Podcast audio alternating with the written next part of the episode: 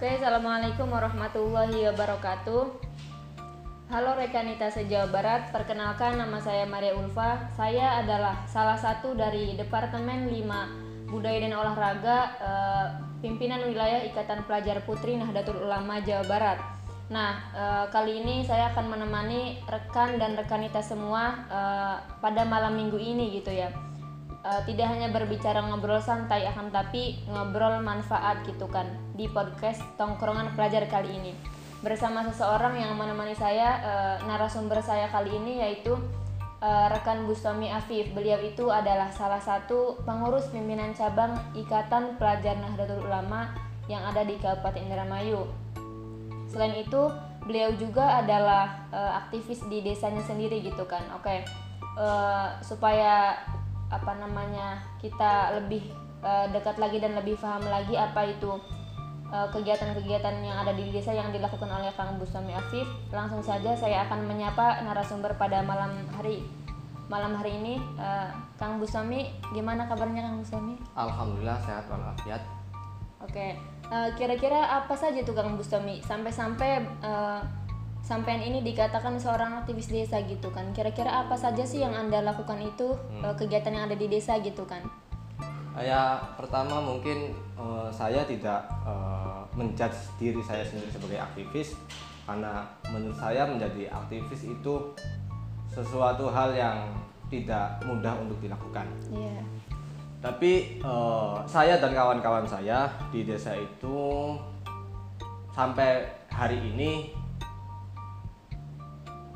meng, apa, meng, menggerakkan sebuah komunitas di mana komunitas tersebut bergerak pada e, ranah literasi dan tujuan fokusnya adalah kepada anak-anak. Iya. Kenapa kepada anak-anak? Karena kita ingin memotong generasi di mana anak-anak sekarang e, itu sudah mulai disibukkan dengan gadget dan lain sebagainya tidak jauh seperti apa yang dilakukan oleh kakak-kakaknya mungkin itu oke berbicara sebuah komunitas ya kang ya hmm.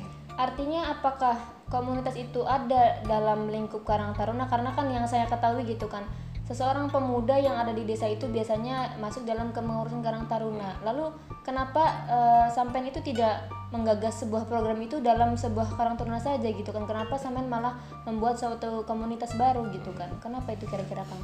Nah, yang pertama, kenapa uh, saya membuat komunitas? Saya dan kawan-kawan membuat komunitas tidak uh, membentuk sebuah golongan kemudian di uh, kemudian masuk dalam Karang Taruna itu karena komunitas saya itu uh, anggotanya itu dari dua desa, yeah. di mana ada dari desa Tambi dan desa Tambilor.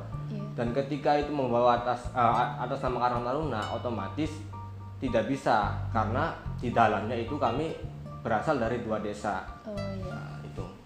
Lalu kemudian kenapa sampai-sampai merangkap dalam dua desa tersebut itu kan sedangkan sampean sendiri mempunyai desa tersendiri dan lalu kenapa uh, sampai merangkap dua desa tersebut gitu kan kenapa nggak yeah. mengunggulkan desa sendiri saja gitu loh nah itu itu yang digarisbawahi dari teman-teman kami dan hmm. itu juga salah satu bentuk uh, apa ya tujuan tersembunyi dari yeah. komunitas yang kami buat yeah. jadi sebagaimana pada umumnya bahwa jika ada uh, satu desa atau dua desa beriringan tidak jauh dari pro dan kontra iya, tidak jauh dari ribut-ribut antar pemuda dan lain sebagainya hmm. itu dan itu terjadi pada daerah kami di mana daerah desa Tambi dan Tambilor okay. pemuda dari desa Tambi dan Tambilor itu tidak jarang terjadi bentrok di antara yeah. mereka dan saya dan ah, dan kawan-kawan berinisiatif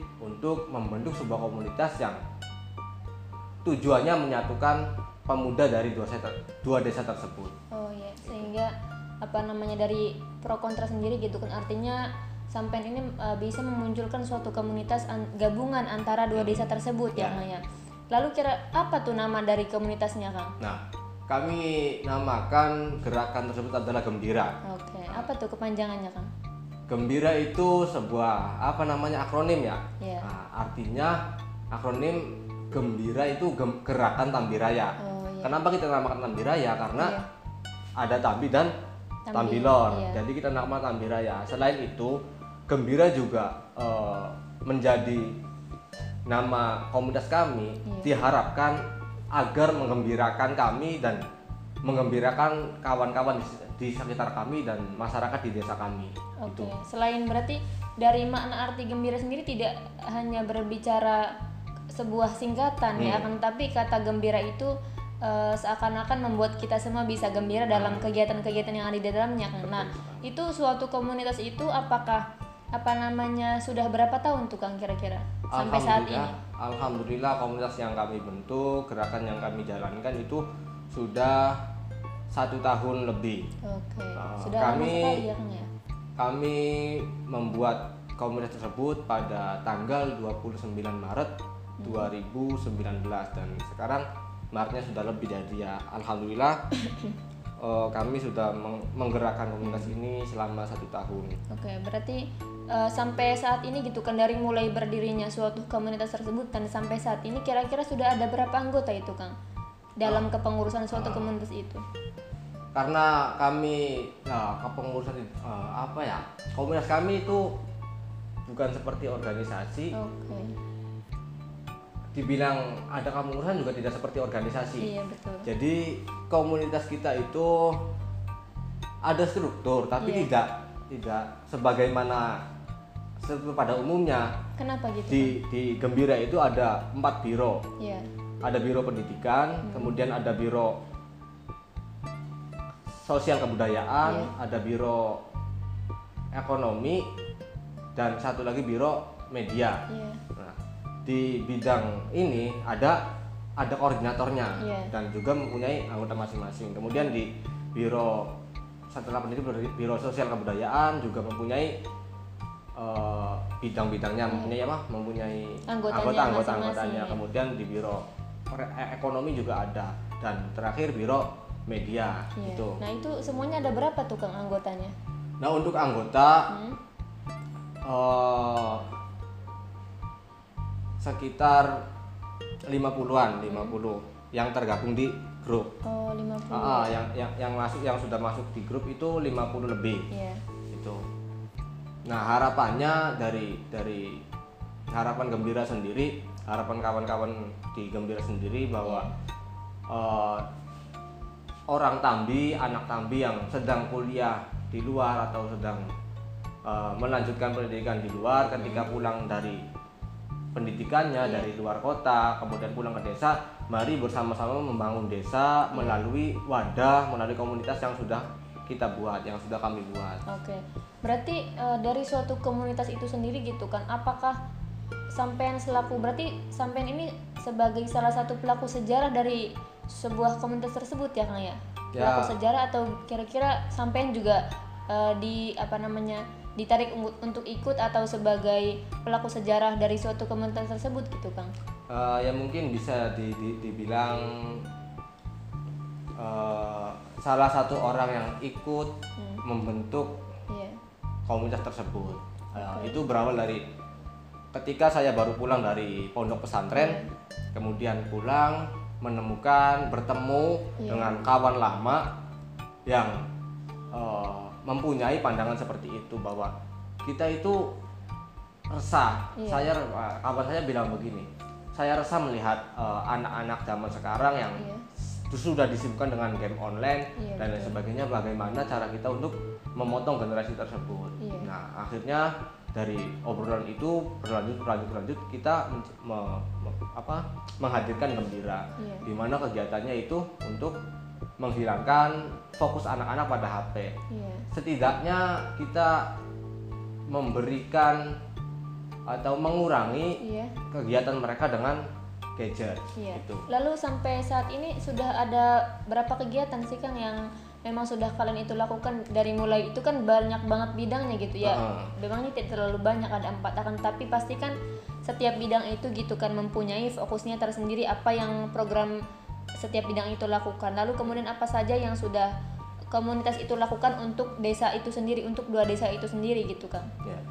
Eh, yang pertama dari yang pertama dan itu adalah program kerja kami Iya. paling pertama adalah ngelapak buku Hmm. itu dari biro pendidikan Iya.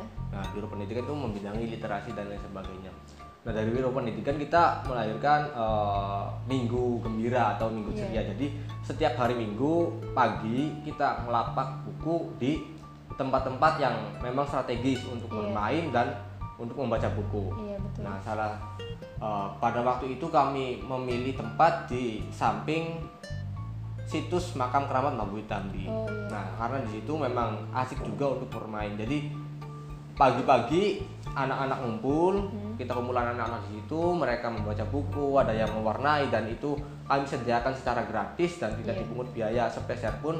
Setelah membaca buku, membaca komik dan lain sebagainya, kita eh, melestarikan permain- permainan tradisional. Oke. Permainan tradisional itu kenapa di- dihadirkan karena bahwa bergembira itu Iya. bergembira terus menikmati hidup bukan hanya dengan bermain gadget bahwa bermain permainan Tradisional juga ya. membuat kita gembira. Oke. Lalu kemudian apa lagi? Itu kan bahasanya kan program pertama Ah. kalian gitu kan. Lalu setelah itu kira-kira berarti kalau program ngelapak itu eh, rutin ya Kang ya? Artinya Rutin, setiap setiap, minggu. minggu. Lalu setelah selain itu kira-kira apa lagi Kang? Selain yang sudah kalian lakukan gitu kan. Selain itu kami alhamdulillah sudah eh, karena fokus kami kepada anak-anak, kami Iya. juga sudah membuat eh, kumpulan Hmm. dongeng yang alhamdulillah sudah diterbitkan juga. Jadi kumpulan pengantar kumpulan dongeng pengantar tidur gembira itu. Oke. Kami sudah menerbitkan itu. Itu buku berarti ya Kang ya? Itu buku. Lalu siapa yang menulisnya? Artinya siapa orang-orang yang mencetak persoalan dongeng-dongeng itu gitu Ah, kan? Yang menulis itu yang pertama kami eh, yang pertama menulis apa dongeng tersebut adalah kawan-kawan di yang sudah masuk dalam komunitas gembira. Oh, jadi anggotanya sendiri gitu ya? Ah, anggota Betul. gembira eh, kami minta satu tulisan atau dua tulisan Iya. untuk menyumbang Pemikiran lah gitu ya? Ah, menyumbang dongeng pada Iya. buku yang akan kami terbitkan. Kemudian kami juga membuka bagi kawan-kawan yang lain yang di luar untuk ikut menyumbang Hmm. satu atau dua tulisan pada buku pada dongeng yang akan kami terbitkan itu. Karena sifatnya kalau eh, lebih ke literasi ya, jadi eh, kegiatan samping itu lebih ke kegiatan-kegiatan yang sifatnya buku saja gitu ya. Lalu kemudian apa sih kira-kira ada tidak gitu kan kegiatan yang pada dasarnya untuk masyarakat umum tidak hanya fokusnya ke anak-anak gitu kan? Kira-kira ada tidak tuh kang? Eh, ada, cuman bentuknya itu momentum ya Oke. atau seremonial. Iya, Kadang juga kami ikut membantu desa iya, melakukan uh, seperti pas tahun kemarin itu kami ikut membantu menjadi panitia pada saat mermule mermule mermule? Tambi itu mermule Buyut Tambi itu seperti unjungan Oh, iya. seperti sedekah bumi di Iya. desa-desa itu umumnya ada sedekah bumi dan kita itu membantu hanya membantu membantu panitia kami Iya. tidak ikut kepanitiaan tapi Iya. kami hanya membantu oke, panitia untuk uh, bersama-sama mensukseskan acara mermul Buyut Tambi tersebut Jadi itu apa namanya sebuah tradisi, ya? Sebuah tradisi, yang iya. ada di kedua desa itu tersebut kan? Ah, kedua Iya. desa tersebut mempunyai sebuah tradisi Hmm. bersama yaitu mermule buyut tambi. Oke, karena itu sudah menjadi tradisi, maka dari situ suatu komunitasnya sampean gitu kan untuk ikut serta apa namanya kegiatan tersebut, tapi tidak dilibatkan sebagai panitia gitu. Hmm. Nah, oke ini yang terakhir nih ya Kang ya. Yap. Karena saya kembali ke pembicaraan awal bahwasanya suatu pemuda gitu kan di dalam desa maka dia itu lebih fokusnya ke persoalan ataukah ke pengurusan Karang Taruna.